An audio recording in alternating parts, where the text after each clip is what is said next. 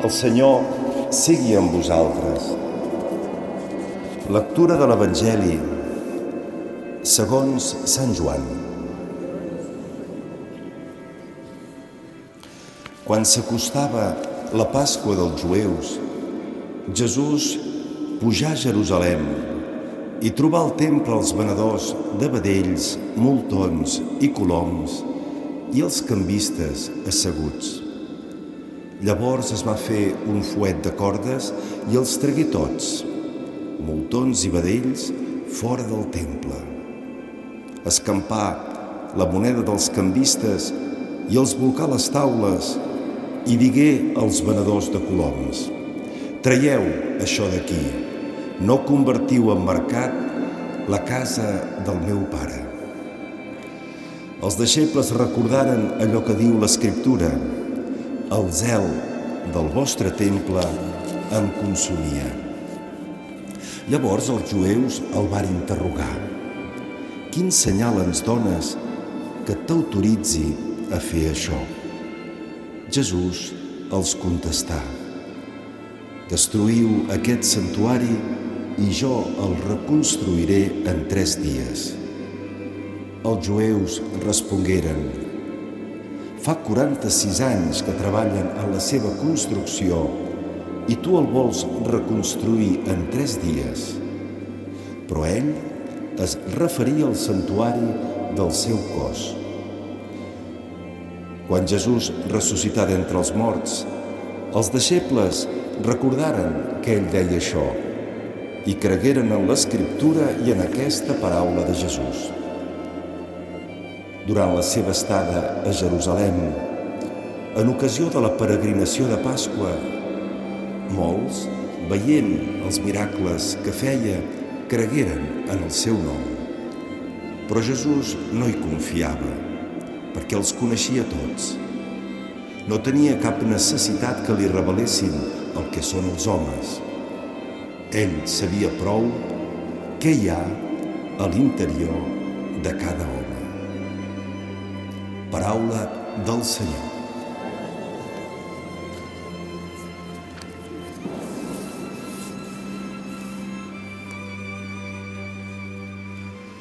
Els jueus demanen signes prodigiosos. Els grecs volen saviesa, però nosaltres prediquem un Messies crucificat, que és un escàndol per als jueus i per als altres un absurd. Aquestes paraules de Sant Pau que avui hem escoltat tenen també tota la seva actualitat avui en el nostre context cultural i també en altres contextos culturals.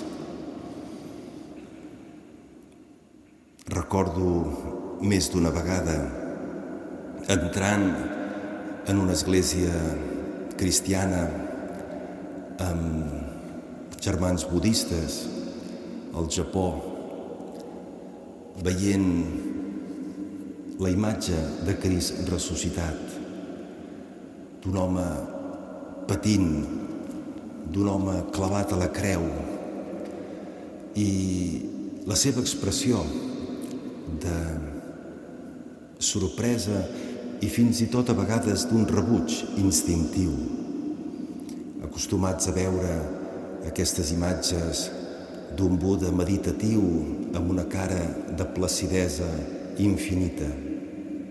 Com pot ser que una religió mostri com a signe emblemàtic un home sofrint una tortura i una mort tan atroç? Què vol dir això?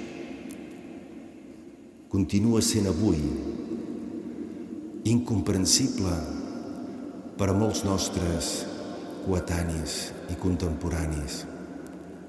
Els nens també quan entren aquí a l'església i no tenen cap referent, la primera vegada que veuen Cris mort aquí al nostre Cris jacent, o bé el magnífic crucificat, que també és obra de Jaume Martorell, d'aquest artista nostre de Calella, diuen, Qui és aquest Senyor?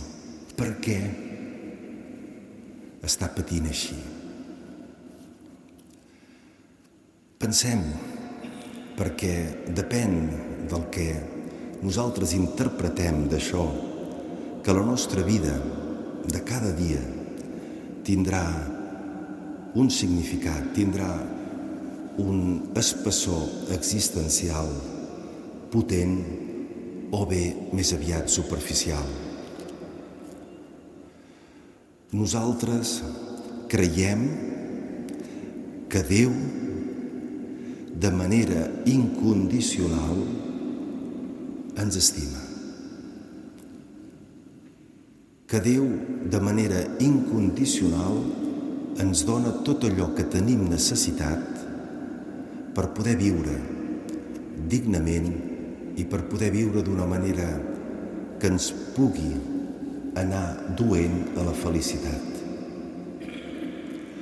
En moltes religions o en diverses religions, sobretot les religions poc evolucionades en un primer estadi de la història de la humanitat, veiem la necessitat d'oferir sacrificis d'animals, dels primers fruits de la terra, a les divinitats, de cremar-los de manera totalment gratuïta en honor dels déus. També avui, fins i tot en el context catòlic, no poques persones crec que viuen la seva religiositat amb aquest sentit. Fer alguna cosa, dir unes pregàries, encendre un ciri, fins i tot venir a missa per així poder tenir el favor de Déu o fins i tot amb uns estadis així menys elaborats per evitar la ira de Déu. Recordo també sempre el Japó que em va sorprendre que els petits temples xintoistes petits santuaris com les nostres ermites de muntanya es troben a les portes dels pobles, molt sovint als afores, per deixar els déus a fora, que més aviat ens, ens poden empipar, enviant-nos un terratrèmol o fent que ens caigui una tempesta. La divinitat vista com quelcom, com algú de temible. I el context que hem llegit avui de l'Evangeli també reflecteix aquesta mentalitat. Feu-vos un moment l'escena mentalment, aquest gran temple de Jerusalem, símbol del judaïsme, que feia 46, que van necessitar 46 anys per fer-lo i encara hi eren pel pel mig, a hort d'aquest Déu on sacrificaven moltons, vedells, coloms. És per això que hi havia venedors d'aquests animals. Per aconseguir el favor de Déu. En canvi, Jesús entra i tot això ho tira per l'aire. No cal no cal aquest mercadeig. Per què? Perquè Déu, en la persona de Jesús, ja s'ha donat del tot a nosaltres. Perquè l'únic sacrifici veritable és el sacrifici de Jesús a la creu. I com parlàvem diumenge passat reflexionant sobre la imatge també del sacrifici d'Isaac. No som Déu, no som nosaltres a fer sagrades, a sacrificar les coses a Déu, sinó que és Déu qui fa sagrades les nostres coses. És Déu que, assumint la nostra humanitat, ens fa divins, ens fa sagrats a nosaltres. És per això que la creu per a nosaltres és tan central. No perquè siguem ni masoquistes ni sàdics, persones que enaltim el dolor pel dolor, el sofriment pel sofriment. Els cristians som els que creiem en l'amor, els que seguim la via de l'amor, però no un amor fet de cotó fluix. Siguem bons i així tots estarem més contents, sinó un amor que té la seva arrel en el mateix acte de Déu de donar-se totalment a nosaltres. Ell, que és la font de tot amor, ell que és l'amor. I aquest amor de Déu, aquesta donació de Déu, històricament s'ha fet plenament visible i s'ha encarnat del tot en la història en la mort de Jesús a la creu. D'aquest Déu que lliurement escull de baixar-se fins a sentir-se només home i home condemnat. En aquest moment, ell ens dona el seu esperit, com també molt bé Joan diu quan ens descriu la passió i la mort de Jesús. I això és el que estem cridats a ser, temples de l'Esperit Sant.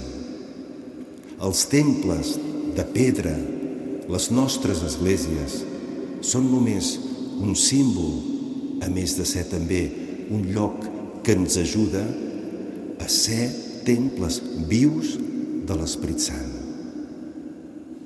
Ja no calen llocs especials per poder arribar a Déu i podem arribar a qualsevol lloc i en qualsevol moment perquè Déu s'ha fet un de nosaltres i Jesús mort i ressuscitat el podem trobar en qualsevol lloc. I és ell qui ens comunica el seu esperit.